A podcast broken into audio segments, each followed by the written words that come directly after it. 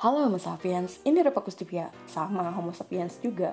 Episode 1 Desember bertemakan sisa-sisa COP27, pendekatan multiskalar untuk makanan dan budaya, dan wacana Desember lainnya yang semakin ke sini semakin ke sana. Ya udah langsung deh ke Gita Ergasum.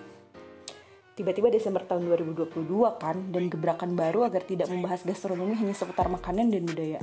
Ternyata kata budaya itu bisa membongkar wacana-wacana gastronomi di berbagai sektor, di mana hal ini kalau dibahas pakai pendekatan multiskalar, di mana artinya diselesaikan dari berbagai kondisi yang menyangkut kajian teoritis budaya. Itu sangat dinamis, bisa berubah, bisa diintervensi, bahkan bisa abadi. Kenapa pola makan, cara makan, cita rasa, sistem pangan perlu pakai multiskalar analisis atau pendekatan multiskalar. Soalnya nggak cuma enak doang kan, nikmat doang dari apa yang udah dimakan, tapi di situ ada sebuah nilai yang mempengaruhi kebiasaan, ketergantungan, bahkan penentu peradaban dari isi piring. Iya, isi piring yang habisinya nggak lebih dari 30 menit. Bahkan ada yang cuma hitungan detik itu isi piring ludes saking emang enak. Beneran enak nih atau doyan? Ya beda tipis lah ya dan beda motivasi pada akhirnya. Bulan Desember itu waktu utama buat evaluasi dari perhelatan akbar COP27. Pada tahu gak sih, itu loh pertemuan elit sebelum G20. Ya ampun, bahasanya nggak populer emang di kalangan awam, sehingga harus berlari dan muter nemuin terminologi sederhana. COP27 itu apa sih maksudnya dan ngapain dibahas di bulan Desember? Nggak ada kabar yang lebih ringan atau yang syahdu untuk menemani tidur gitu? Ya kan mending dibawa ngimpi aja nih COP27 hasilnya. Yang bakalan bikin jiwa-jiwa muda itu mau bangkit lagi dan mau mikirin tentang masa depan bangsanya. Bukan cuma mikirin diri sendiri yang emang udah gitu kalau versi takdir ya kan? Tapi hasil-hasil perhelatan macam COP27 dan G20 itu kalau yang nggak ngerti dampaknya dan keputusannya yang ngaruh juga ke cita rasa isi piring. Misal yang biasanya nikmatin sandwich smoked beef saus mayo, udah diganti jadi roti bakar isi tape kan nurunin derajat kesultanan anda-anda ini kalau emang beneran sultan. Tapi dalam kakawin itu prapanca sultan itu gak makan sandwich. Nggak tahu kalau di surat centini kayaknya nggak ada deh. Oke balik lagi ke COP27 yang bakalan ngerubah cita rasa dari segi harga. Itu konflik global perang Rusia dan Ukraina emangnya nggak berkontribusi bagi sistem pangan global ngaruh banget terutama pasokan tepung-tepungan. Kan gimana pun juga Indonesia belum bisa mandiri-mandiri banget tuh dari komoditas begituan. Ya kalau tepung aci buat cilok, cireng, cibai, seblak mah ada. Ini mah roti-rotian biar nuansa bangsawan Hindia Belandanya tuh dapet banget gitu. Celaka dong kalau komoditas sumber karbohidrat itu naik drastis harganya. Soalnya itu makanan pokok. Dampaknya mah tetap UMKM cuy UMKM pangan. Jadi emang menggerutu sih. Tapi sebelum tidur ya COP27 itu kemarin atau bulan November 2022 yang diadakan di Mesir Egypt lah gitu biasanya nyebutnya ya. Uh, tepatnya di Sharm el Sheikh atau Sharm el Sheikh emang susah nyebutnya yang ongkos PP-nya dari Jakarta nyampe 50 juta sekian kalau beneran mau datang menerima respon dari WWF yang menyatakan kecewa dikutip dari wwf.panda.org World Wide Fund for Nature adalah sebuah organisasi non-pemerintah internasional yang menangani masalah-masalah tentang konservasi, penelitian, dan restorasi lingkungan. Dulunya itu namanya World Wildlife Fund dan masih menjadi nama resmi sih di Kanada dan Amerika Serikat. Itu loh yang foundernya Pangeran Philips dari UK. Judulnya WWF itu menegaskan negotiations at COP27 failed to deliver transformative plan for food systems, but hope still prevails. Nah, artinya tuh negosiasi di COP27 gagal menghasilkan rencana transformatif untuk sistem pangan, tetapi harapan masih ada. Namun mandat baru untuk kerja 4 tahun di bidang pertanian dan ketahanan pangan disetujui, tetapi tetap mempertahankan fokus yang sempit. Ya pantas nggak memuaskan ya hasilnya. Nggak aplikatif cuy.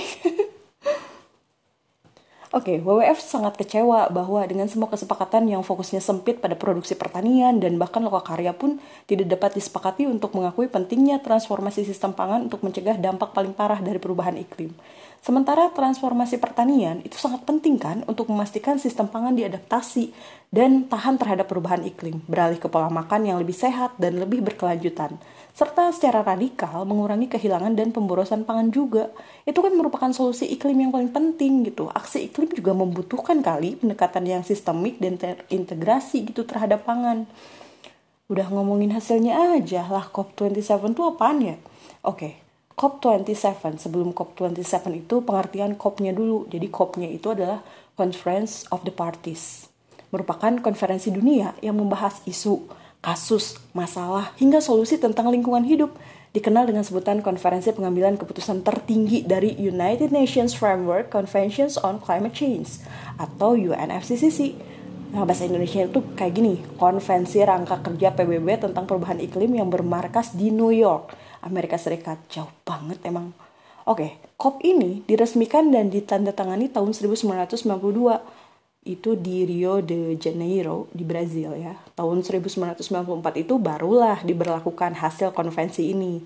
Sehingga COP ini sudah berlangsung dari tahun 1995 sebagai COP yang pertama nih atau COP 1 yang berlokasi di Berlin, Jerman. Di Indonesia juga pernah terselenggara yaitu COP 13 itu di Bali. Tahun 2022 itu baru di Mesir. Konferensi Perubahan Iklim PBB tahun 2022 yang berlokasi di Mesir ini dengan mengambil alih kepresidenan COP27 dengan pengakuan yang jelas uh, akan beratnya tantangan iklim global dan apresiasi terhadap nilai tindakan multilateral, kolektif dan bersama sebagai apa ya satu-satunya cara untuk mengatasi ancaman yang benar-benar global ini.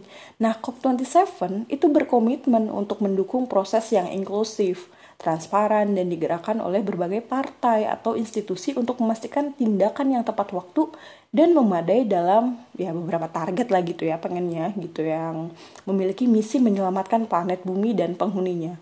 Udah bagus tuh kan wacananya atau bacaannya. Sedangkan pavilion sistem pangan punya misi mempercepat aksi pangan untuk manusia dan planet Nah, untuk pertama kalinya nih, ada pavilion sistem pangan di konferensi perubahan iklim PBB ini, menempatkan pangan sebagai pusat perhatian selama negosiasi penting. Jadi, pavilion sistem pangan akan berfokus pada tindakan, strategi, dan solusi di seluruh rantai nilai pangan yang berpotensi mendorong transformasi menuju sistem pangan yang lebih sehat, lebih tangguh, dan lebih adil. Cakep tuh. Nah, pavilion sistem pangan itu akan menampilkan 10 hari tematik bukan akan sih tapi udah ya gitu yang menyoroti peran penting yang harus dimainkan oleh transformasi sistem pangan dalam mitigasi iklim, adaptasi, dan membangun ketahanan. Nah, untuk mengubah sistem pangan kita, kita itu harus meningkatkan ketahanan terhadap iklim dan guncangan, kemudian memperlebar pertanian tahan iklim, aksi pemuda juara dalam sistem pangan, gitu, mengaktifkan budaya diet yang berkelanjutan, sehat dan bergizi, terus harus melindungi dan memulihkan alam, meningkatkan produksi positif alam dan kesehatan tanah, harus memperluas atau meningkatkan keanekaragaman air dan makanan biru akuatif. Tuh, Indonesia tuh punya the blue food yang berkelanjutan untuk sistem pangan yang cerdas iklim.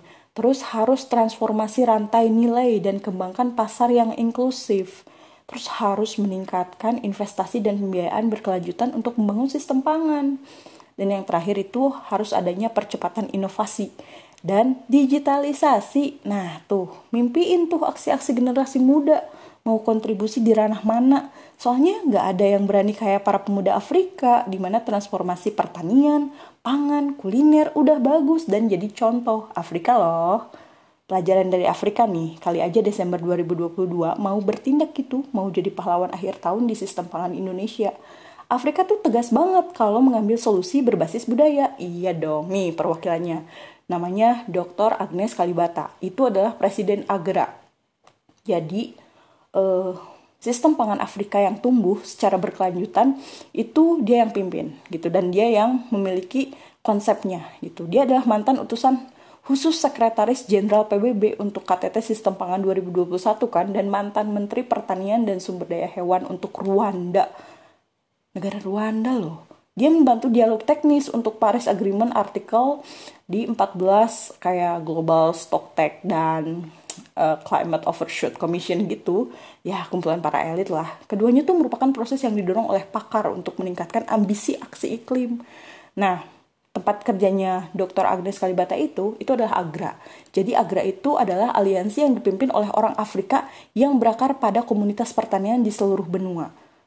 Dan Agra ini bilang, kami memahami bahwa petani Afrika membutuhkan solusi khas Afrika, bukan khas yang negara lain.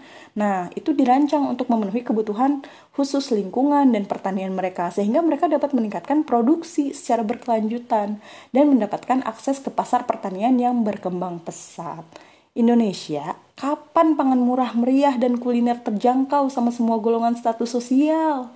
Mau miskin, kaya, anak kecil, dewasa, kebeli tuh makanan saking berlimpahnya, murah. Jangan cuma bilang agraris tapi miris. Beraksi dong. Gaskan. Yuhuu.